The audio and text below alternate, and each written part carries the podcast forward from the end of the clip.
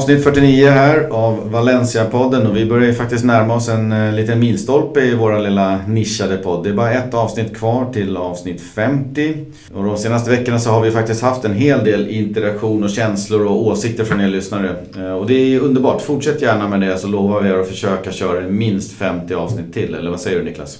Ja, nej, absolut. Jag håller med. Det är alltid kul och eh, framförallt är det kul när inte alla när man inte alltid är 100% överens på något sätt. Mm. Jag tycker alltså alla våra diskussioner som vi har med våra eh, lyssnare eller liksom vår lilla community på något sätt. Det är alltid en bra ton och sådär. Att man kan respektera varandra och det behöver aldrig gå över gränsen. Och det, det är så det ska vara. Det är det, det är det som är kul. För ibland så kan man själv också liksom när någon säger att jag tycker det jag tycker säger så här så kan man själv ja men när du säger det på det sättet så. Mm. Så det öppnar alltid upp liksom. Eh, så det fortsätter vi gärna med. Ja, jättekul att se och eh, vi kliver väl eh, som vanligt in på nyheter och så har vi lite matcher och prata ner i form av eh, Bilbao borta och Ebro borta. Sen har vi två hemmamatcher mot Girona och Young Boys att snacka upp och så har vi ju, kan vi redovisa vår lilla scorecast. Där har det rasslat till med lite poäng i alla fall. Ja. Men om vi börjar med nyheter då. Vi hade ju den stora nyheten den här veckan som den bara smög sig på mig. Jag såg ingenting komma bakom hörnet. Eh, Dani Parejo skadad och borta. Då snackades det om 3 till 4 veckor. Nu är det väl nere i 2 till 3 då. Eh, för att en vecka har gått då i och för sig. Eh, och och jag förstår så är det någon typ av konstig intern, eller vad kallas det? Magskada. Alltså invärtes som, som drabbade honom under matchen mot Bilbao. Men han kunde slutföra den. Men nu tvingas han till en längre vila. Jag fattar ingenting. Nej, jag håller med. Det kände alltså först så bara kom det upp att Parejo borta 34 veckor. Det var det första jag tänkte. Är det så här typ... Alltså, jag vet ju att Spanien har ju första april någon annan dag men jag tror inte mm. det är här, här nu. Men jag tänkte först det var något sånt. Eller så var det så här är det liksom... Är det det här sättet som... Det kan det, kan det ju fortfarande vara även om man inte tror det. Att det var på något sätt liksom Marcelinos sätt att säga till Parejo efter den turbulensen det ändå varit kring honom som spelare och allting så här att eh, du behöver vila ett tag men liksom för att rädda ansiktet så säger vi att du är skadad på något mm. sätt. Men det verkar ändå vara som att det är någon slags eh, magmuskelskada eller någon, någon, någon konstig skada i alla fall. Ja precis, det vore ju oerhört eh, lågt att eh, köra Parejo du får vila, vi skyller på en skada i fyra ja. veckor. Ja, Jag kan köpa en match liksom, att uh, halta lite nu så, så, så får du sitta ja. en match så behöver du inte liksom bli petad på det sättet. Men fyra veckor är för länge. Jag utgår ja. också ifrån att det är en, någon form av magskada. Men det är lite märkligt att han ändå inte kände av den på, i matchen så mycket att han klev av. Utan att han nu tvingas av det. Att han inte kan köpa ja. smärtstillande från och med alltså nu. Det Precis, nej, men det enda jag kan tänka mig det var väl om det hände. Det var ändå en hel del situationer där i slutet i straffområdet. Om det var någon duell där i slutminuterna. Liksom som, där det här, om, om, om det nu är att han har fått en smäll eller om det är liksom någon muskel som har sträckt sig eller någonting. Men mm. Då kanske han kände liksom att det var inte lönt att byta för det var kanske, ja, jag vet inte, någon minut kvar bara som man kör på. Ja, nu är det i alla fall så att han eh, vilar en stund så får vi se vilka andra som kliver fram då. Vi kan ju prata lite mer om det när vi kommer till Girona-matchen som är nästa hemma då. Sen hade vi väl en eh, presskonferens med Alemani idag, onsdag faktiskt. Just det. Ganska lång eh, presskonferens där han pratade ja, om allt ifrån eh, Marcelino, eh, var, liksom, eh, var han står i, i den här ja, vad vi nu ska kalla det. Det har varit lite Marcelino-gate och det har väl mm. varit en del uh, olika från olika håll och kanter som har liksom börjat ifrågasätta honom mer och mer efter den här svaga hösten. Mm. Uh, och Alemani har varit ganska tydlig liksom att han har fullt förtroende för klubben och uh, man liksom, han, är inne, han är inne på sin position på långsiktigt så att säga. Mm. han pratar också om, om hela formkurvan i höst och med laget och så här och han ser på det och tyckte han hade många, många nyktra och liksom sunda och liksom lugna svar på det här. Att eh, nej men det är självklart det är liksom ingen i klubben, eh, varken liksom i den sportsliga ledningen eller i laget eller i tränarstaben som är nöjda med den här poängutvecklingen eller kanske spelet heller till 100%. Men det har heller inte varit så katastrofalt som, som det liksom målas upp ibland. Och lyfter fram en del positiva saker som till exempel att eh, nej, men man, man är liksom man är svårare att besegra och eh, normalt sett så borde man tagit fler poäng än man har gjort. Det har varit en speciell försäsong och det här man ändå har saknat ett par offensiva pjäser som, eh, som ändå är viktiga för att liksom få igång hela maskinen på något sätt. Så jag, tyckte det var en, jag tyckte det var en bra presskonferens. Jag tyckte det var en bra svar av Alemani när det gäller liksom hela formkurvan eller hela, mm. ja, hela snacket om, om, om, omkring eh, resultaten på något sätt. Jag tyckte det var ganska befriande öppna frågor också av, sorten ja. att uh, får uh, ha Marcelino liksom uh, längre stubin eller vad man ska säga, längre tid på sig nu för, efter den lyckade fjolårssäsongen. Och då menar reporten på att vilken tränare som helst hade väl kanske egentligen fått sparken i det här skedet. Och, och, och där var ju Alemani också inne på att, att liksom, så är inte riktigt fallet utan de utvärderar inga tränare och spelare och, och resultat liksom i oktober utan de har ett Nej. projekt som är längre, man tittar på längre horisont. Det är ingen som är nöjd med det som har varit men, men man, man, tar inga hastiga och tvära beslut nu utan man jobbar vidare med det man har och, och lagar till och försöker fixa det som har varit fel. Precis, och det man måste ju ändå...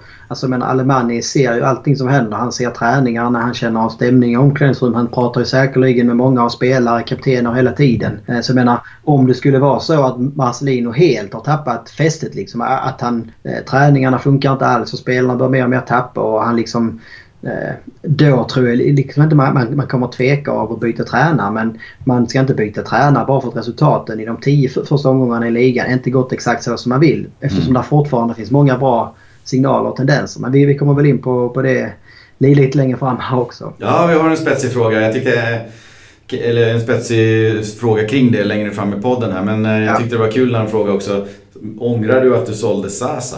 Också ja. raka sköna frågor. Vet ja. du? Ja. Och de, jag tyckte han kryssade runt fint kring det där och svarade väldigt vettigt. Så att, uh, har ni tid och lust så kan ni gå in och läsa. Precis, nej men han svarar ju inte så. Alltså, frågorna som kom var ju väldigt eh, populistiska på något mm. sätt. Det var ju alla de här heta potatisarna och jag, jag gillar det. Alltså fan, mm. går och, på sak, ställ det här istället för att eh, nej det vill jag inte svara på. För det, det, många av de här frågorna som kom är ju exakt det som jag tror 99% av alla vi här ute liksom funderar över och undrar över. Mm. Alltså, skulle vi behållit så här, så varför sålde man honom? Ångrar man det? Och, eh, det var ju även en intressant utläggning om, liksom, om stadion och allt det här. Där mm.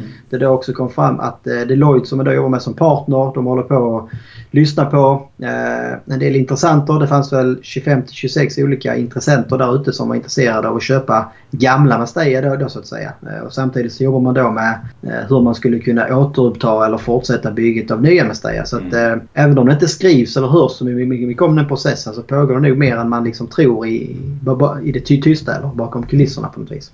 Ja, det var bra, bra presskonferens som rensade luften lite grann och ingav ju, åtminstone för mig, lite så här lugn och positiva tankar kring, kring det som pågår. Då. Jag håller med. Alltså det, framförallt så känns det skönt att ha nu den här äh, sportsliga ledningen med Alemani i spetsen kanske som Alltså som man verkligen, alltså jag, jag i alla fall får förtroende för honom att han har koll på läget. Alltså hans, mm. tycker hela hans kroppsspråk, sättet han pratar och svarar på frågorna och det han säger. Liksom det, det signalerar liksom att ta det lugnt, vi har koll på det här. Eh, om man då jämför liksom bara några år tillbaka när det, liksom det, det kunde vara någon Lai Hun som satt på, på, på presskonferens och kunde prata om jag vet inte, helt sjuka saker. Och, som går ut och säger att man är besviken på fansen som inte hade stöttat Peter Lim. Och, och liksom bara what? Alltså vad, vad är det du pratar om? Alltså vi ligger 12 i ligan och du pratar liksom om saker som inte är minsta relevanta för det här. Så att, eh, för den sakens skull så känns det ändå som att Valencia är liksom på rätt väg och liksom mm. har en helt annan grund eh, i klubben i stort idag. Och gällande Alemani där, utöver att han eh, framstår som en väldigt vettig person så får vi lägga till alla de värvningarna som han trots allt gjorde med GDS-värvningen som kronjuvelen då och på det sättet alla de här sakerna har gått till med ungdomslag, juniorlag, kontraktsklausuler, du vet de här utköpsklausuler, ja, ja, hela precis. jobbet han har gjort. Så att min bild av Alemani är ju fortsatt eh, väldigt, väldigt positiv och att han är ju helt klart någonting annat än vad vi har haft på den positionen senare år. Ja, och jag har sagt det innan och kan säga det. Att jag, alltså Alemani för mig är ju den absolut viktigaste pjäsen som Valencia har varvat de senaste tio åren nästan. Mm. Alltså utan han så hade vi kanske aldrig fått in Marcelino. Det är det mest troligen aldrig kunnat bygga det här laget som vi har idag. Alltså både de liksom, spjutspetsvärvningarna som han gjorde förra sommaren som liksom där 99% av alla blev, blev succé och den mm. sommaren han gjorde år med de försäljningarna och de spelarna som man lyckades locka till sig så är han utan tvekan den som haft mest eh, impact att säga, på den här vändningen som klubben ändå gjort. Mm. Så är det. Vi släpper Alemani och hänvisar till eh, det som finns ute på nätet om ni vill läsa om hela presskonferensen som var väldigt vettig. Då. Vi kikar lite på Bilbao-matchen i helgen. Den slutade i 0-0. Lite krampaktigt och så. Och resultatet färgar ju helt klart synen på den insatsen och känslan. Och, ja, känslan är att det var ytterligare en likadan insats som vi har sett så många av nu på slutet. Det hände lite för lite framåt och sådär. Samtidigt så kan jag tycka att Valencia hade faktiskt en riktigt bra period i mitten och slutet av andra halvlek. Där man skulle, tycker jag, ha kommit undan med segern. Men, men återigen så gör man inte det. Då blir man ju bara besviken och nedstämd när det liksom slutar kryss igen. Ja, så är det. Det var väl lite...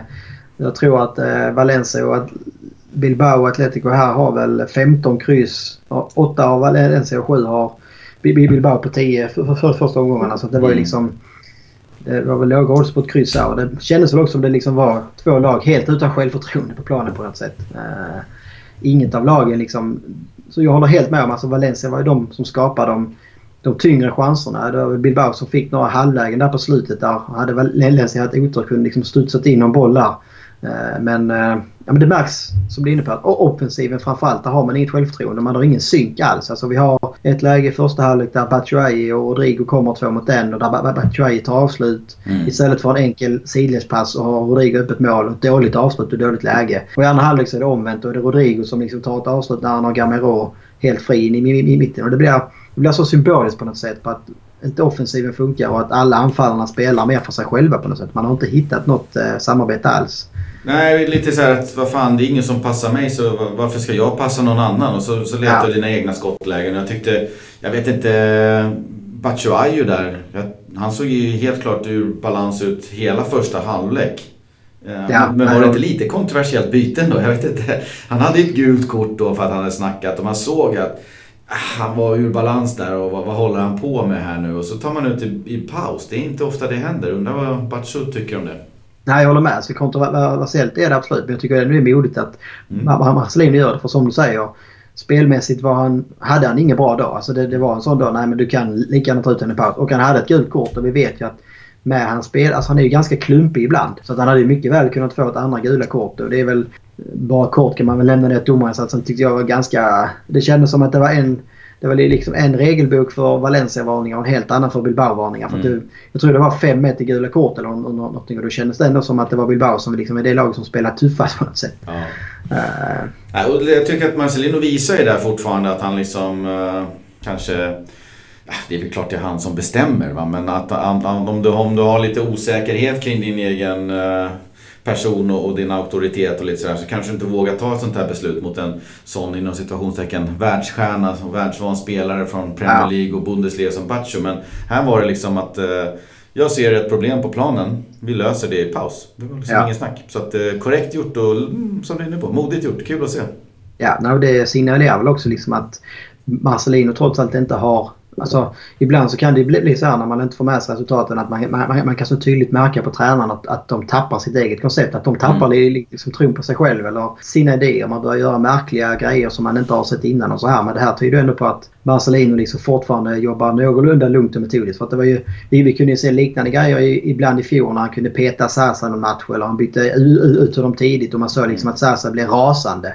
Uh, men Marcelino liksom var alltid lika iskall efteråt och liksom sa att Nej, men det är jag, jag som bestämmer. Och jag, jag kan förstå att man är frustrerad men man, man behöver liksom lära sig att acceptera att det, det, jag gör det jag tror är bäst för laget på något sätt. Och det, det tycker jag att det här bytet också signalerar att eh, ingen spelare större än laget. Och har du en dålig dag så blir det utbyte oavsett om du heter Batshuayi eller du heter eh, Ferran Torres. Ja, kul att se. Sen kan vi väl eh, nämna också Neto är ju nästan en av de spelarna, en av två spelare som håller nivå nu då och den andra tycker jag att man återigen kan lyfta fram det är Gaia. Han är ju i en fantastisk form och hans kanonsäsong har ju gått lite under radarn i och med att laget har gått så dåligt. Men som han har tagit landslaget och, och Valencia nu senaste matcherna här så... Nej, fantastiskt kul att se vad, han sliter på sin kant. Han verkar inte vara inblandad i formdippen känns som. Nej, jag håller med. Alltså, för det var i fjol så pratades det ju en del om liksom att ah, fan, vad händer med grejer? För han hade ju inte någon toppensäsong kanske i fjol. Eh, I alla fall inte stora delar där man liksom var mer såhär, fan behöver vi, in, vi behöver få in en ny vänsterback? Och man pratade liksom, ah, men borde ge Lato chansen mer och man borde ta upp eh, Guillamon underifrån. Och man, alltså, det var ju mycket snack så här om att det kanske är dags att släppa Gaia. Liksom sälja mm. honom för att man cashar in på honom. Eh, men den här säsongen så är ju han tillsammans med Neto som du är inne på den absolut stabilaste och bästa spelaren match efter match. Mm. det är kul att se. Ja, speciellt när det är hemvävt på grejerna. Ja, exakt. Nej, och sen så har det ju varit så mycket snack om eh, kris eller inte kris. Jag tänkte att jag skulle ställa en liten rak fråga till dig så får du ställa ett eh, krokigt svar. Ja. eller, eller så kanske du har raka svar. Men det har varit mycket snack om kris eller inte kris i Valencia och självklart så är ju alla kryss och resultaten en kris i sig, det är inte det jag säger. Men klubben har ju hela tiden hävdat att det inte finns en kris. Eh, utan att liksom, vi befinner oss inte i en kris utan det är bara resultaten som går emot. Så, så jag tänkte egentligen ställa frågan, är det här en kris på riktigt? Det vill säga Valencia har ett riktigt problem på sin hals och behöver agera på allvar nu eller snart. Eller är det bara en så kallad mala racha som eh, spanska uttrycket för en dålig resultatrad så att säga, att man har lite stolpe ut. Som vi nu är då nära att vända. Eh, kan ju i och för sig vara lite till båda delar då. Att eh, man har en kris och då får man det mala racha då. Men du, du förstår frågan va? Ja, nej det gör jag absolut. Jag, jag tycker alltså det... Jag kan bli lite provocerad och frustrerad för att många ställen liksom runt om i forum och på Twitter så tycker jag, jag tycker det är många som tar det lite för svart och vitt. Att det är liksom eh, det är antingen eller och för min del så är det inte antingen eller. Alltså jag tycker att å ena sidan så kan man sitta ganska eller, det är svårt att säga att man ska sitta lugnt i båten. Men jag tycker heller inte att man liksom ska skrika om Marcelinos avgång eller att man liksom ska byta tränare och hit och dit och skicka spelare. För, för det första så ska jag bli otroligt provocerad för det. För då, det, jag så här.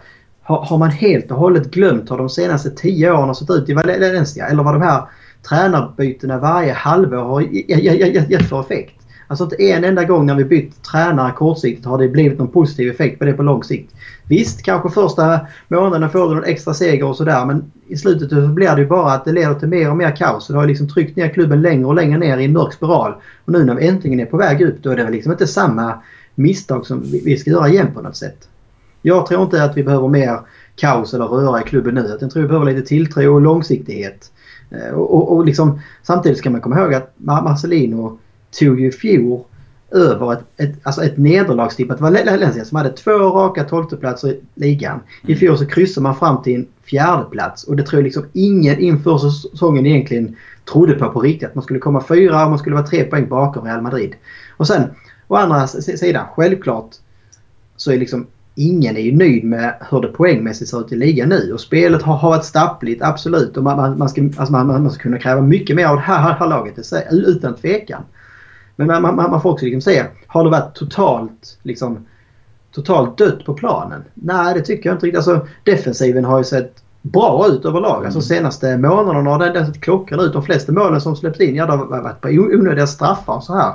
Är det liksom en kris då? Man har förlorat två av 13 matcher här säsongen. Är det en kris? Nej, inte i min bok. Alltså, fine, man har bara vunnit två av 13 också. Eh, men alltså, jag får liksom så här lite Kiki Sanchez Flores eller Une Emery-vibbar. Att när, när det liksom inte stämmer 100% och när man inte är med och slåss liksom om ligaseger. Nej men då, då är det alltid någon annan som är bättre på något sätt. Men man vet inte vem. Alltså, det är inte så att folk sitter och säger nej men den här tränaren hade varit klockan för länge nu. Utan det är bara att man försöker hitta syndabockar på något sätt. Det blir lite provocerande när man för tio månader sedan var liksom samma personer som i stort sett ville adla Marcelino på något sätt. Mm. Ja, jag, jag, håller med, jag är beredd att hålla med. Jag tycker också att eh, ibland kan vara lite yviga gester och, och, jag vet ju själv, jag är ju fotbollssupporter också. Jag vet ju precis hur man känner ibland att eh, efter en förlust då ska alla avgå liksom. första känslan. Men, men, om man tar på sig en nykter hatt här så, så eh, Alemani pratade om det bland annat också i, i intervjun där, att, eller presskonferensen, att de har ju, de har ju eh, dissekerat och analyserat och haft liksom, eh, experter och hur många som helst människor som tittar på det här Eh, utifrån siffror och, och, och, sånt där. Jag menar självklart så kollar jag alla på matcherna, det är ju, utgår ifrån. Men, eh, de har 2000, 2000 till 2500 mätpunkter på spelarna eh, och på spelet och, och, hur de rör sig och vad de gör, allt möjligt. Och de kan liksom, när de tittar på det så ser de ingen skillnad mot förra året eller mot så som de vill att det ska vara. Allting i stort sett är i ordning. Eh, och då, då, då börjar man tänka att liksom, ja då måste man hitta ändå någonting som är fel. Och jag var inne på det förra gången också. Jag är lite inne på att det, det är just skärpan i avsluten. Liksom. För att lägena kommer de till, som vi sa inne på, expected goals säger ja. fem och ett halvt mål till borde Valencia gjort baserat på de målchanser som finns. Så jag menar, en skärpa där så kanske vi hade gjort åtta mål till om vi gjort fler än expected goals till och med. Eh, så att jag, jag, jag, jag vill ju tro att det finns kanske en liten minikris bland anfallarna i och med att de inte verkar gå ihop med varann löst den. Men vi är långt ifrån eh, att liksom huvuden ska rulla och folk ska bytas ut och om det sen är spelare eller tränare. Utan det är en klar hanterbar motgång tycker jag. Ja det tror jag med. Alltså, andra sidan av myntet då. Alltså det, det är klart att det, det som oroar mig egentligen mest omkring allting med Valencia och Marcelino just nu det är väl den här fortsatta oförmågan på något sätt att kunna styra och leda en match mot de sämre lagen. För även om... Alltså kollar man på fjolåret, alltså den stora liksom... Eh, nyckeln till succé då på något sätt. Det var ju de här snabba spelvändningarna och ett fridigt offensivt spel. Eh, I år så känns det som att alla lagen kan Valencia och Marcelino på något sätt och då stänger man igen de här ytorna. Eh, plus att vi också då ska komma ihåg att eh, Guedes har ju saknats i större delen av hösten. Och han var ju ändå den, alltså, den absolut viktigaste spelaren framförallt under hösten i fjol. Eh, men då, alltså, då behöver ju Marcelino och laget på något sätt har någon plan B för att kunna luckra upp det här offensivt sett. Men det har man liksom inte visat att man hade varken i våras eller höstas tycker jag. Så då blir det det här handbollsspelet där man spelar runt, runt, runt men man har liksom ingen spets. Man har ingen som bryter mönstret typ lite sådär extra eller tar en idiotlöpning på något sätt. Och där är väl liksom, ligger mycket förhoppningar nu att eh, Guedes självklart ska vara en stor frälsare när han kommer tillbaka skadefri här. Och eh, även då Santimina eh, som jag tror. Alltså för, I min bok, alltså, både, både Guedes och Santimina, även om de är två helt olika spelare så det de båda tillför är att de är extremt rörliga och offensiven. Eh, och man liksom tar många ja, vad ska man säga, konstiga löpningar. Man, man, man spelar inte alls så där statiskt som när man kanske får när man spelar vass och Soler på kanterna som vill ha mycket, mycket, mycket boll och mm. passningsorienterade. Eh, och dels så tror jag liksom att det här kommer göra att eh, ja, du får en annan rörlighet men samtidigt också att det kommer öppna upp för andra spelare i offensiven. Till exempel en Rodrigo som liksom utan att säga att, eh, eller försvara hans höst där han har klivit fram alldeles för lite så tror jag att han kommer också bli bättre när han liksom får lite mer rörlighet runt omkring sig på något vis. Eh, jag tror också det är kul och, och jag tror varken Gedes eller Santemina känner sig eh, om man säger med dåligt självförtroende eller neddragna i skiten. De, de känns Nej. inte, precis som Gaia, liksom delaktiga i i den här uh, negativa spiralen. Det såg man ju lite grann på Santemina igår. Han stänkte in lite baljor och så. Ja. Och GD som kom in mot Barcelona där de där 10 minuterna. Det känns som att de två kan nog komma in med en helt nytt synsätt, en helt ny aura och attityd kring sig. Och förhoppningsvis uh, via prestation och, och, allt sånt där få med sig resten av laget på, på en positiv utvecklingskurva här då. Ja, de har ju liksom alla möjligheter att komma in med energi och liksom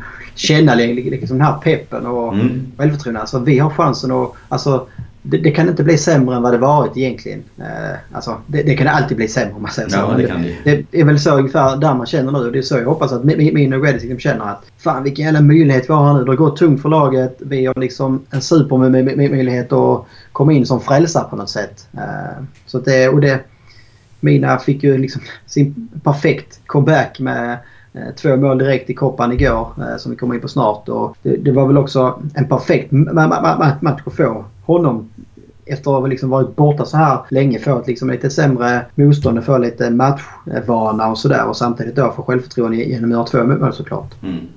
Vad var kontentan här då? Har vi en riktig kris eller är det en uh, Malaracha? Nej, för mig är det långt ifrån en kris. Alltså kris kris kan vi prata om liksom när vi hade en Gary Neville på tränarbänken och en Lai Hun som styrde det, det sportsliga. Eller när vi hade Koman på tränarbänken och han kickade ut liksom eh, Albella och alla de här trotjänarna. Då kan vi snacka om att det var en kris i Valencia.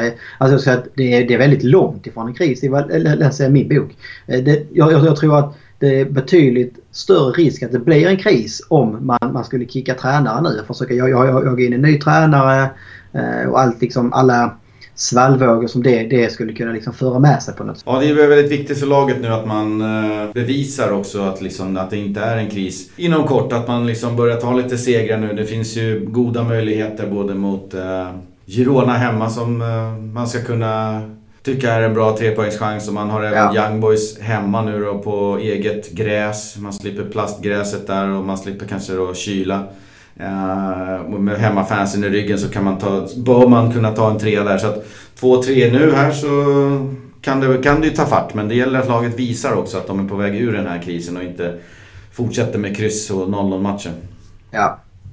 Vi kan väl eh, kika lite på Ebro. Ja. ja det, var, det där var ju en... Eh, galen match. 1-2 med två mål av Mina. Jag har ingen aning om vem som gjorde målet för Ebro. Och Marcelino pratade innan matchen att han respekterar koppan men att ligan är prio ett. Och då tänkte jag att nu är det junior, junior-VM här men eh, han ställer ändå upp ett ganska starkt lag. Alltså det är ju Kangin Lee är med. Uh, det var väl det va? Resten ja, är ju egentligen, alltså det är inte start... Alltså i rotationstider så är det ju startelva-spelare resten. Förutom möjligtvis Vesor och kanske. Eh, och Vass har väl haft det tungt på slutet också. Men i övrigt så med Coquelin och Ferran har ju fått, en spel, fått massa speltid. Du har Gamero. Mina ska ju också vara där. Du har en Diakby har fått massa speltid. Morio kanske också. Och Schaumer då. Men i övrigt en stark elva. Ja, det var, alltså, jag håller med dig. Alltså, jag tycker också den var förvånansvärt stark. Jag hade väntat mig fler och de här Kangin Lis i startelvan. Kanske en Guillamon, eh, kanske en eh, Blanco i anfallet eller mm. en Rakic på innermittfältet. Men eh, ja, alltså samtidigt kan jag förstå. Så kollar man på dem. Santimina behövde speltid. Ferran Torres behövde nog också speltid och komma igång samma med Tony Lato. Morio och Diakby har inte spelat supermycket på slutet heller. Så att, jag, jag, jag kan också köpa att det var kanske ett bra tillfälle för de här att få en match. Och då, förhoppningsvis får vi se mindre roteringar liksom, i liga Champions League-spelet framöver kanske. Ja, det här bör ju ha varit roteringsmatchen och så går ja. vi tillbaks till en, den starkaste startelvan mot Girona och mot Young Boys. Så hoppas jag. Sen var det lite kul att se Kangin. Eh, alltså, man ska, ju ha, man ska ju ha klart för sig att eh, han inte var igen 16 år tror jag, 16 eller 17 igen kanske. Att det är ju fortfarande en pojke då som, som växer ja. fysiskt sett men han kom väl inte riktigt in i matchen på, på bästa sätt. Jag tyckte han var lite snett ute med tacklingar och annat och borde väl fått ett gult där i början men eh, skottet där som han dundrar iväg i stolpen det känns ju som han 100%. Det är det som är hans eh, ja. USP eller unika grej som han har. Imponerande och kul att se att han hävdar sig så pass bra med vuxna männen då. Ja, nej, men det var alltså som sagt kul att liksom få in honom och det har vi sett på många av de andra ynglingarna att man, liksom, man behöver spela in sig. Alltså, det var alltså Lea för några år sedan, Ferran Torres som slog igenom i fjol. Alltså, mm. Det är de här kopparmatcherna där man behöver samla minuter och liksom känna... För det är skillnad på att spela liksom eh, juniorfotboll och riktig seniorfotboll med de här uh, stora grabbarna så att säga. Så det perfekt. Och, alltså, I min bok så som allt blev. Alltså, jag, jag, jag känner så här inför den här... Alltså, Koppan det handlar om att ta sig vidare till nästa omgång och det handlar om att göra det med så lite energispill som möjligt. Mm. Eh, jag tyckte att det var alldeles för många som eh, la alldeles för stora växlar vid insatsen igår. Jag kunde också köpa att en man mer i 60 minuter mot Ebro som ligger näst sist i tredje divisionen. Självklart skulle man kunna begära mer av Valencia här. Men jag kan också liksom förstå att varför ska Valencia bränna ut sig 110% i en kopparmatch en onsdag när man liksom läget är som det är. Man har en viktig ligamatch på lördag. Man har liksom en ännu viktigare Champions League-kamp kanske på, på, på tisdag. Jag har helt förståelse. Åk dit, få med ett bra resultat inför turen och liksom göra av med så lite energi och bli inga skador och få igång en del spelare. Jag är helt fin med, med liksom, eh, summa summarum hur det, det, det liksom gestalta sig igår. Utan att liksom försvara att man gör någon bra insats. För det tycker jag inte man, man gör. Men jag kan också köpa att man inte gör det.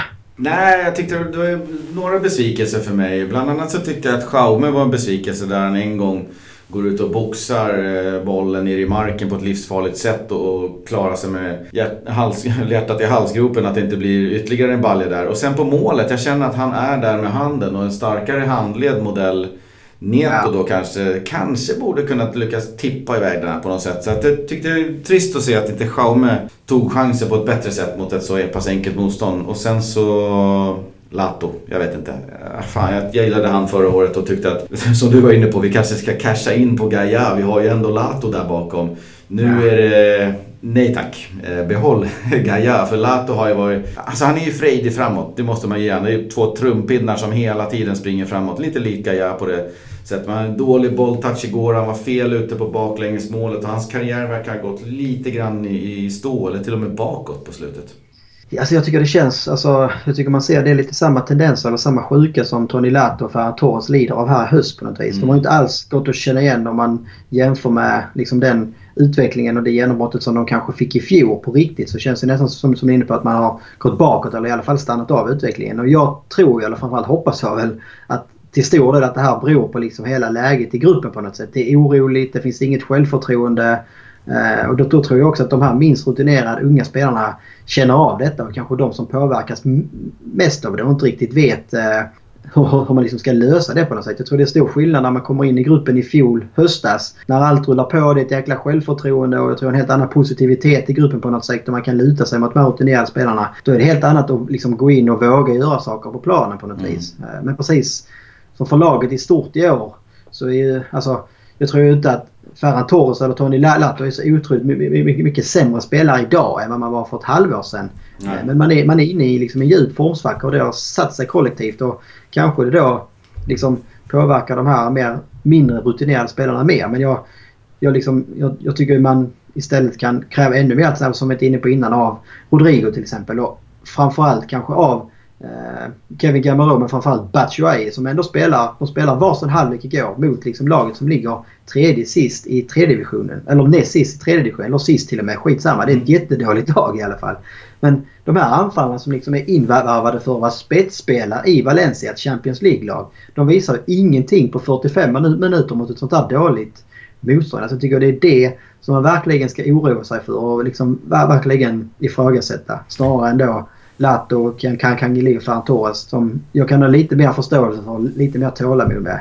Ja, dessutom så är ju Gamero och Batshuayu mer än väl i matchform och har ju, ju matchats in. Eh, allt annat är det väl med den eh, härliga, underbara Santemina och vad ska man säga om honom? Varenda fiber i min kropp kände som glädje över eh, den 22-åriga kämpen att det var just han som fick göra två mål där.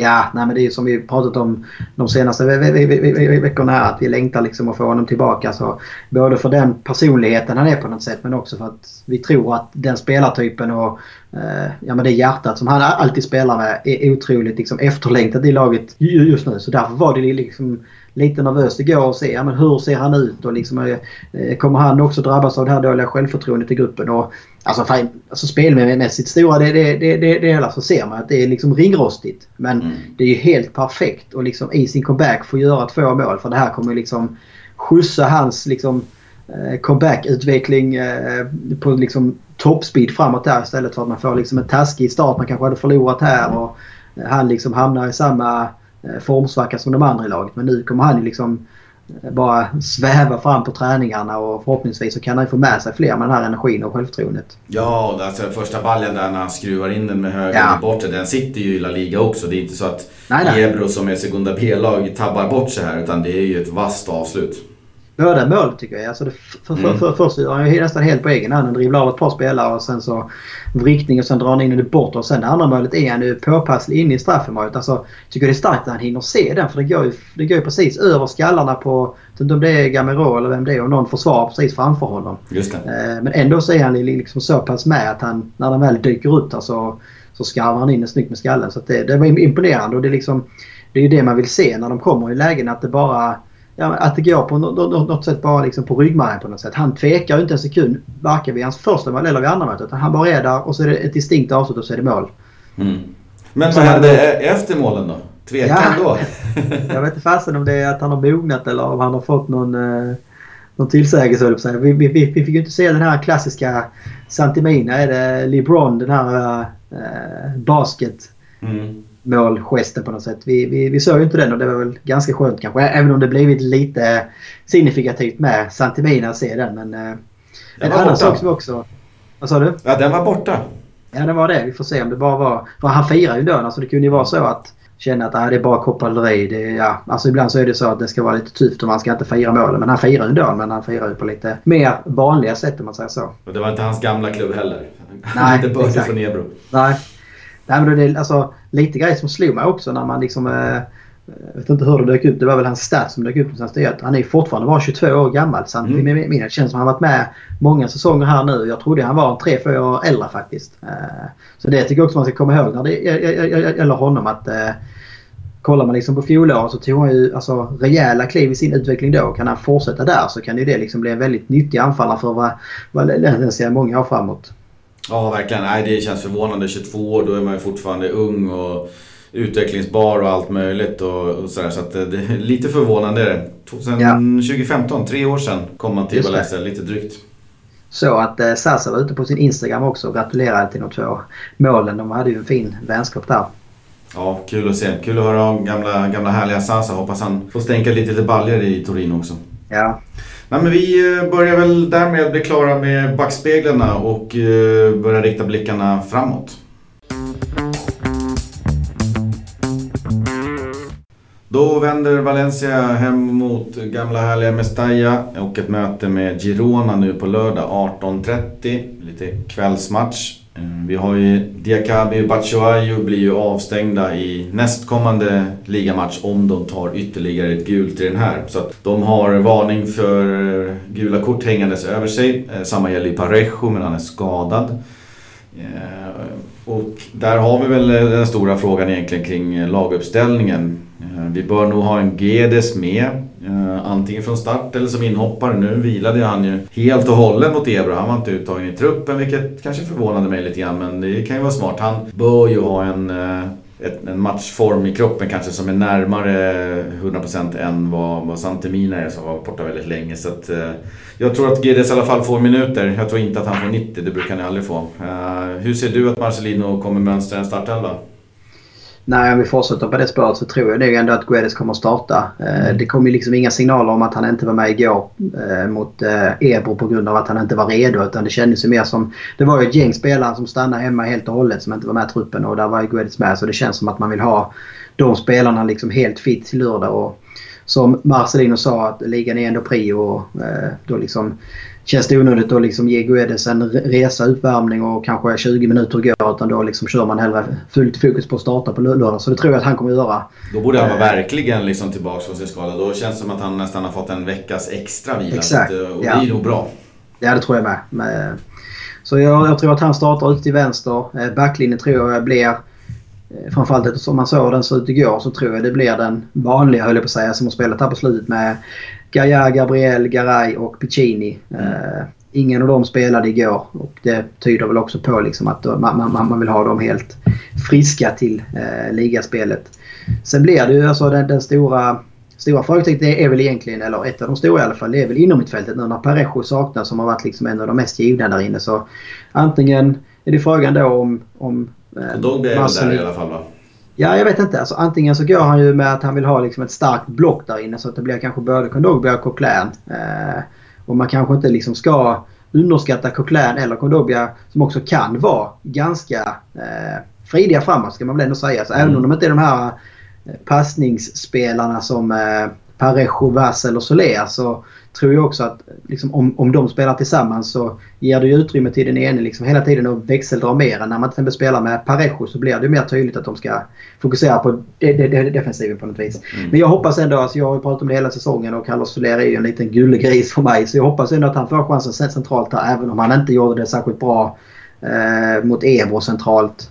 Nej. Och, kan man kanske inte dra allt för stora växlar över den insatsen egentligen. Men jag hoppas att, att, att, att, man får se honom och att man ger honom chansen att spela in sig sen centralt här i Parejos frånvaro så att säga. För att se om, om han är ett alternativ eller om han ännu inte riktigt är redo för det. Eh, ett tredje alternativ är ju att Vast tar platsen där inne som också spelat en del, del innan när Parejo var, eh, inte varit med. Eh, vad har vi för någonting framåt då?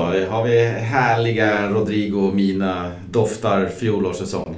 Jag hade, ju, alltså, jag hade ju önskat att det var Rodrigo Santemina som startade. Uh, nu känns det väl kanske tveksamt som Santemina fick 90 minuter uh, tisdag kväll i liksom hans, hans comeback efter flera veckors skadefrånvaro. Att han då liksom ska starta på lördagen igen. Det kanske är lite osannolikt. Men alltså skulle man bara kolla formmässigt och att man liksom vill ha en förändring någonting så skulle jag ändå starta så. För att mm. som, jag, som vi var inne på innan, Gamero och Batshuayi spelade varsin halvlek igår men ingen av dem liksom tog chansen att bygga självförtroende eller få göra mål eller liksom visa någon slags hunger igår.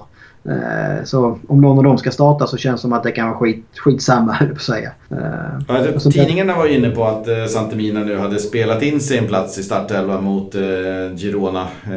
Och, och så, såklart han gjort det prestationsmässigt med två baljer men Ja, jag är nog inne på lite som ditt spår att 90 plus 90 på fyra dagar när man precis är tillbaka från skada. Det är ju att tänja på gränsen lite väl mycket. Jag ser nog att han kan få 20 minuters inhopp eh, mot Girona. Ja, Ja, för det har ju också varit alltså...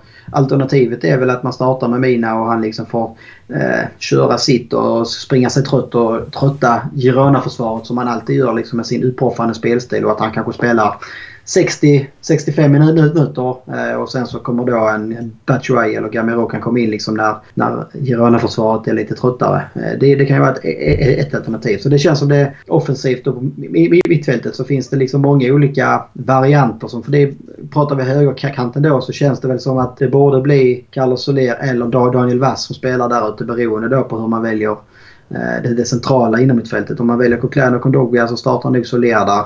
Startar Soler centralt så startar antagligen Daniel Vass till höger. Eh, men det är också svårt tycker jag att välja mellan Kondogbia och Coquelin. Jag tycker båda de ändå. Coquelin tycker jag har varit en av de stabila spelarna också. Mm. Det han har spelat på slutet här. Eh, härlig, härlig som... spelartyp som varit inne på. Samma mot Ebro. Han otroligt eh, på tårna hela tiden. Ja. Eh, ja, underbar att se på planen man vet ju alltid vad, man får av honom på något sätt. Alltså mm. Det är väldigt få minuter i Valencia-tröjan som man, man, kan säga att man varit besviken på Coquelin faktiskt mm. när han kom eh, under fjolåret. Men samtidigt så har vi då en Kondogbia som, som kanske då kan, kan ta lite mer ansvar nu när Parejo saknas och kanske då kan kliva fram och eh, hitta sin, sin fjolårsform också på något sätt. Han, även om han inte varit li, lika dålig som många andra kanske i höst så har det ju ändå inte varit samma Kondogbia som vi såg förra, förra året. Ja, och vare sig vi vill eller inte så, eh, så blir det nu utan Parejo och vi får se hur resten av laget eh, tacklar, tacklar det då. Får se vem som blir kapten och så vidare. Ja. Girona som lag, de är alltid lite luriga. De parkerar på 13 poäng med 12 gjorda, 14 insläppta. De flesta förlusterna de har fått är mot skitlag och de har ju starkt kryss mot Barcelona i lilla derbyt där uppe i Katalonien men i övrigt så har de inte heller haft någon, någon, någon höjda säsong. Det är väl ingen kris i klubben på så sätt. Men det, de, de ligger där de ligger, kanske där de ska ligga, något lägre. De har ju Christian Stoani med åtta baljor på nio matcher eh, bara i år och det känns ju som en livsfarlig herre sett till att han nätade 21 gånger förra året. Så att eh, varning är därmed utfärdad på Stoani. Nej precis, han har gjort åtta av deras tolv mål och gjorde många mål i fjol också. Så det är absolut den spelaren som man, man, man ska ha koll på. Eh, sen så är det väl andra som är inne på. Gröna hade ju en jäkla fin säsong i fjol som överraskade de flesta tror jag. Eh, I år kanske det blir mer att man faller tillbaka till en mer normal prestation. Eh, man kanske är för bra för att åka ur men man borde inte vara, vara med och slåss om Europaplatserna som man gjorde länge i fjol. Eh, kollar man på dagsformen och så här så är det ju ett lag som Valencia. Alltså, vi har ju sagt det många veckor i rad nu att nu är det ett perfekt läge att få den här trean och få kanske en två tre målseger och liksom få igång självförtroendet. Och nu kanske det känns liksom som ja, bättre läge än någonsin på något sätt. Jag vet inte men kollar man Valencias spelschema i ligan så går man in i eh, och även om man lägger till Champions League-matchen så har man Girona här. Sen har man då Young Boys i Champions League. Sen har man Getafe borta. Sen har man Rayo hemma. Det är potentiellt fyra matcher här nu där man liksom utan att vara alltför naiv eller drömmande skulle kunna säga att det ska bli tre poäng i.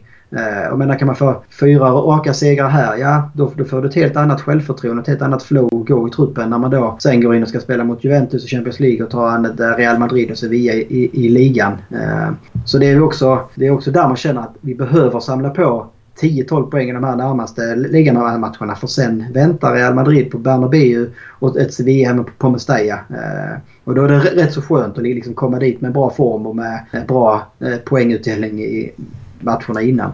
Ja, måtte det vända nu. Vi håller alla tummarna vi har. Eh, en bra grej är också att Valencias för detta akademispelare Porto som gjorde båda målen senast i Gironas seger mot Rayo.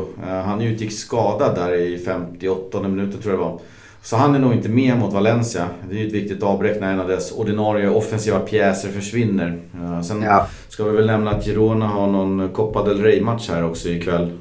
Just det. En dag senare än Valencia och vad det nu betyder. Nu ska de resa då från Barcelona till eh, Mestalla. Valencia är redan hemma så att eh, ja, kanske kan bli lite klurigt för dem. Ja, när det borde vara. Det är som vi pratat om innan att Valencia ska också ha lite bredare trupp och, och säkerligen kunde man liksom... Det kanske är få spelare eh, som startar för Valencia på lördag som även startar i tisdags. Men jag tror att det är nog fler spelare i, i, i Girona som tvingas starta båda de här matcherna så att säga. Så det, det får vi hoppas att det liksom över 90 minuter på lördag också ska synas att det är mer krut i benen och energi i Valencia. Ja, där står det, ser jag nu, 1-0 till eh, Girona i paus. Jag kan se att eh, det verkar inte vara någon Stoani på planen så han vilar. Däremot så har vi Super-G, Johnny Guidetti. Ja, Lirar för Alaves. Får se om han sänker Girona. Nej, eh, vi kikar framåt mot nästa match. Eh, oerhört, oerhört viktiga Valencia Young Boys. Här är det ju make it or break it. Eh, förlust och det är ju över med avancemang skulle jag säga. Är det. Vinst, ja. och det lever i allra högsta grad. Och nu är det ju så lyckligt för min del att jag ska faktiskt ner på den här matchen och bevittna den live. Så mig slipper ni podden nästa vecka. Men jag snackar mer än gärna upp matchen här och nu. Ja, det blir tungt att avbryta den här i podden. Men det är ett härligt gäng ni är som ska ner och se den här Champions League. Och nu när det blivit så viktig eh, match också på något vis så känns det ju ännu roligare för er. Ja, formen har ju varit sådär på Valencia och, och då har ju de här matcherna som man då tänkte att man ska städa av Young Boys bara liksom, lite mer formaliteter. Att det är matcherna ja. mot United som är viktiga och kan man liksom lugga Juventus på en pinne har man ju liksom såhär, men nu är det, det är ju Young Boys matchen här och nu som gäller för Valencia. Det är, det är ju verkligen en final för hur, hur gruppen ska utspela sig. Och vi kan väl kika lite på den uh, gruppen där då. Uh, efter krysset senast så är ju tabellen tight. Uh, vi har ja. fortfarande helt rimliga chanser att ta oss vidare för gruppen. Man ska inte tro något annat. Det var mycket domedagsprofetior efter krysset mot Young Boys och fine, jag köper det. Insatsen var dålig men krysset betyder ju inte att allting är kört. Valencia har två poäng. United har fyra poäng och en vinst mot Young Boys då, samtidigt som United förlorar mot Juve, vilket vi får anta. Eh, Juve borta. Eh, då, då är det en poäng före United. Då har vi fem och United har fyra. Och då är det då inför den eh, otroligt viktiga matchen mot United då, på Mestalla, där allting avgörs. Där och då har vi väl allting i egna händer. Ja, man kan väl säga så det enda som egentligen förändrades i och med att vi inte vann i Schweiz, säger, det var ju att nu, nu, nu krävs det ju mest troligt en seger mot United. Exakt. Eh, kollar man på spelschemat så en rimlig antagande det är väl att United eh, förlorar mot Juventus. Man hade ju ingen chans egentligen på hemmaplan. Att man då ska öka ner och ta poäng borta, det tror jag inte riktigt. Eh, men sen så slår man Young Boys. Eh, det, det, är väl så som man kan tro. Då, då slutar United på 7 poäng. Ett rimligt scenario för Valencia är ju då att man slår Young Boys hemma. Eh, då står man på 5 poäng och då behöver man alltså slå United hemma i sista omgången för att avancera. Hade vi tagit 3 poäng mot Young Boys borta så hade det kunnat räcka med ett kryss hemma mot United. Det, det, det lär det inte göra längre. Det är Nej, precis. Kan... Jag menar, jag tycker chansen det är liksom till avancemang det ligger ju där ute. Det är inte, någon, det är inte något, mirakel som ska till. Utan nej. du vinner mot Young Boys hemma och du vinner mot United hemma. Sen, då är du klar. Ja, och det är, alltså, det är helt rimligt. Alltså, ska du ta dig vidare från en Champions League-grupp då är det ju ändå begär att man vinner två, tre hemmamatcher i gruppen. Alltså, mm. Vinner man inte... Alltså, Tar man inte två hemmasegrar i gruppspelet, nej då är man kanske inte heller värd att gå vidare. Eh, så är det bara. Eh, men skulle det liksom gå helt åt helvete, jag menar förlorar man mot Young Boys hemma eh, då är ju, då är ju i stort sett eh, Europa League också borta. Så det hade ju varit det liksom eh, worst case scenario på något sätt. Eh, men det, jag vet inte. Valencia gjorde ju en jäkligt dålig insats eh, borta. Eh, det var konstgräs som Young Boys var betydligt vanare vid det känns som att förhoppningsvis har man lärt sig den läxan. Om det nu fanns någon procent underskattning att man trodde det skulle liksom gå enkelt efter att man såg ju både United och Juve hade bara borstat av Young Boys. Mm. Så borde ju liksom de tankarna vara borta nu. Man vet också att det är liksom en nyckelmatch för att skapa den här gruppfinalen mot United i sista omgången så är det liksom en seger mot Young Boys som gäller. Och det tror jag alla är jävligt sugna på att få denna magiska CL-kvällen som jag tror både det kan bli mot Jarmox när ni är där för nu är det liksom kniven mot strupen men framförallt så kan det bli en sån där ja de här liksom början av 2000-talet kvällarna på, på Mestalla när eh, engelska storlag, det var väl Leeds där i, eh, i semifinalen och kommer på, på, på, besök och man mm. skapar mm. det här kokande med, med, med, med Mestalla. Det är det vi vill ha mot United i, i, i sista omgången och att liksom Guedes kontar in 3-1 i 89 och no, no, no, no, någonting. Ja, det här är ju liksom, det blir ju final 1 av ja. två. Och då klarar man inte av det här, då blir det ingen final 2 mot United. Nej, då är det, det är man inte värda heller. Nej, och då är det en placeringsmatch som, mot Young Boys egentligen eh, om att komma tre i gruppen och få lite Europa League-spel. Eh, det jag kan ja. nämna där också är att om då United till exempel skulle lyckas råna Juve på en pinne borta så kan ju då Valencia och United båda hamna på 8 poäng. Och vinner då Valencia den hemmamatchen mot United så går man vidare på inbördesmöten. Så det är det är omöjligt är det absolut inte. Nej, nej absolut. Alltså det, nej, jag tycker det, det, jag tycker att det är bra förutsättningar än, än så länge. Liksom. Det kunde varit värre om United hade luggat Juventus på, på poäng både hemma och borta. Då hade det kanske varit betydligt lurigare och inte alls i egna händer. Nu har man fortfarande det i, i egna händer. Så är det och, och i och med att, uh, att uh, Young Boys och Valencia möts nu så, så är det ju även så att uh, Juventus tar emot United nästa vecka också. Och Juventus är liksom, visst de har nio pinnar och, och sådär. de är, de är inte matematiskt klara än. Jag tror att de fortfarande går liksom för fulla muggar. Sen kan det bli lite rotation mot eh, Young Boys och Valencia när, när gruppsegern är klar. Men jag tror att de ror ja. den 100% i hamn först. Genom en seger Absolut. mot eh, United. Och det borgar ju för att liksom, de kommer gå fullt ut. Sen vet jag att ett, eh, ett Juventus alltid är svårt. Men, men det kan vara så att de roterar lite mot Valencia senare. Ja, det tror jag också. Jag tror inte det är omöjligt att Valencia kan liksom i omgången efter åka ner och, och få med, med, med sig ett kryss där när, när Juve redan är klara och man kanske vilar en del spelare. Och, ja, man inte bryr sig på samma sätt. Så jag tror, jag tror det blir svårt för en seger kanske men absolut få med sig en pinne där. Eh, så får man se hur mycket den poängen kan, kan vara värd i slutändan. Ja, och sen ska vi väl inte spekulera allt för mycket kring startelvor. Det är alltid svårt att eh, göra det när det är en match emellan mot Girona som är så pass viktig. Men vi vet ju att Parejo med största sannolikhet inte kommer att spela denna match. I övrigt så vet vi att Santemina och både Santemina och Gedes borde vara liksom i inom citationstecken fullt slag.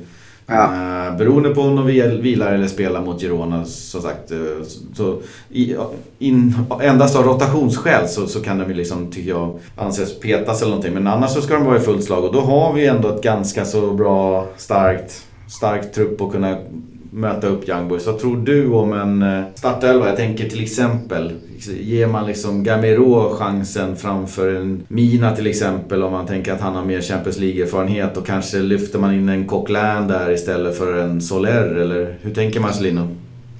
Jag tror, alltså jag tror, alltså, eh, en sak vad jag vill och en annan vad jag tror. Jag ja. tror inte att Santivina kommer eh, spela många minuter både på lördag och på onsdag. Eh, för då får han tre starter på mindre än en vecka eller på en veckas tid. Det, det, det, det tror jag inte att Marcelino liksom vill riskera att han ska få något bakslag. Eh, så antingen så tror jag Mina får fler startminuter på lördag och då får han kanske inga eller ett mindre innan på onsdag. Eller så vilas han helt på lördag och kanske startar då på onsdag.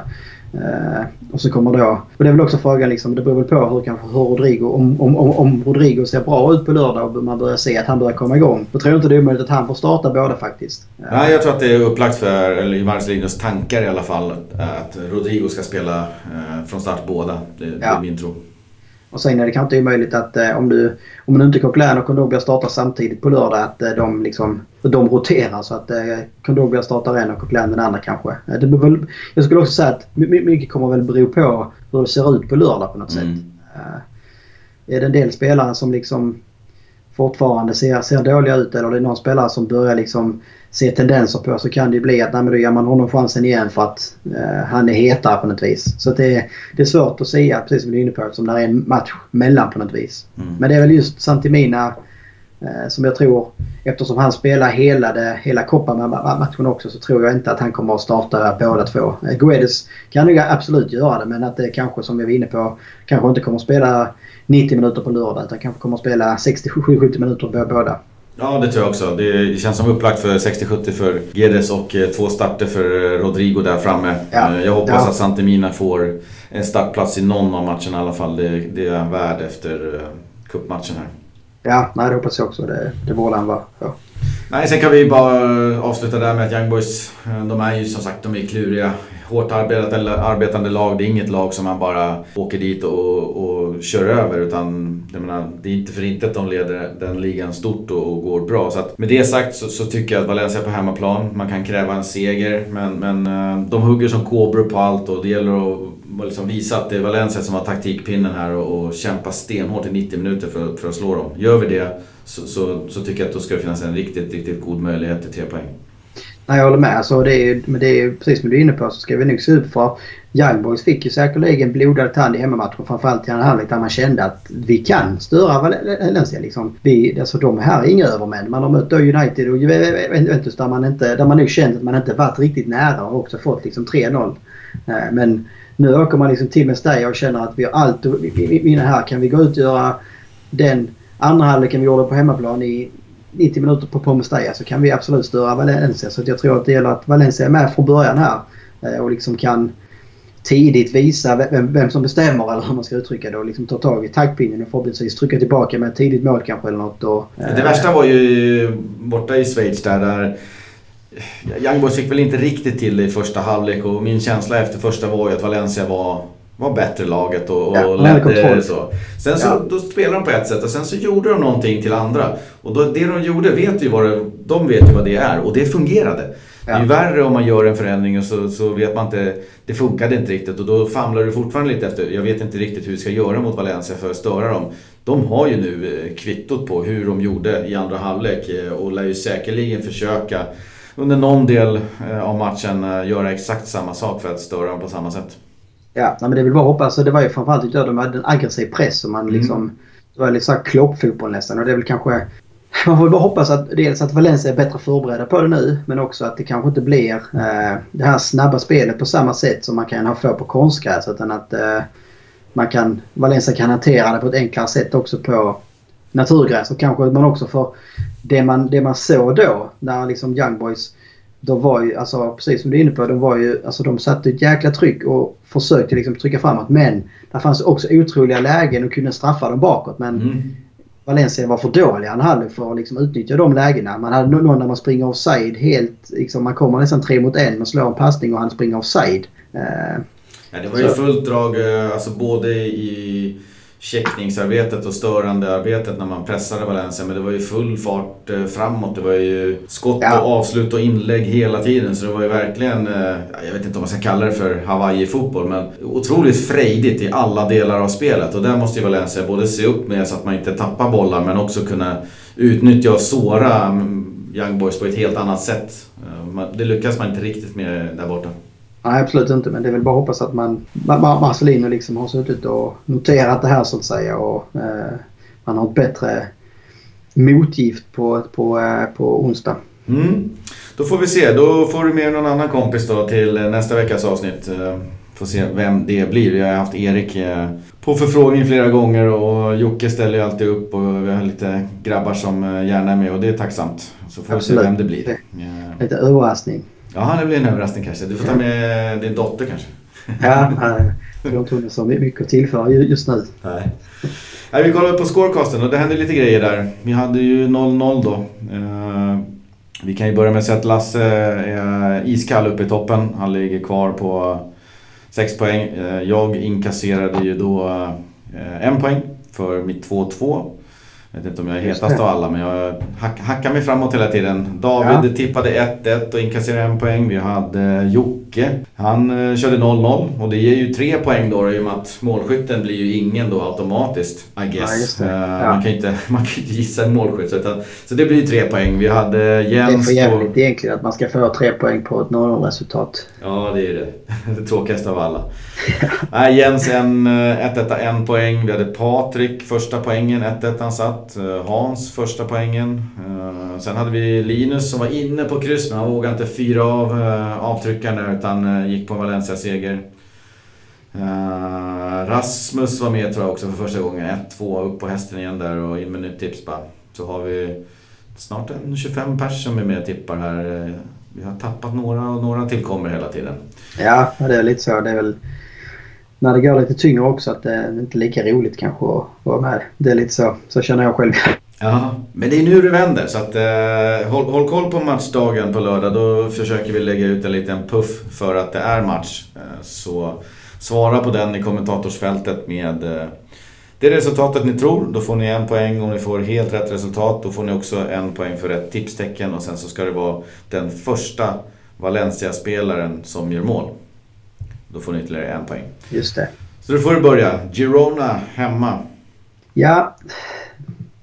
Nej, nu är det dags. Nu, blir det, nu är det dags för en 3-0 eh, faktiskt. Eh, och det är dags för eh, Guedes att göra det här första målet. Ja, jag känner igen eh, stor, stor seger hemma och Guedes. Ja. ja, någon gång ska den slå in.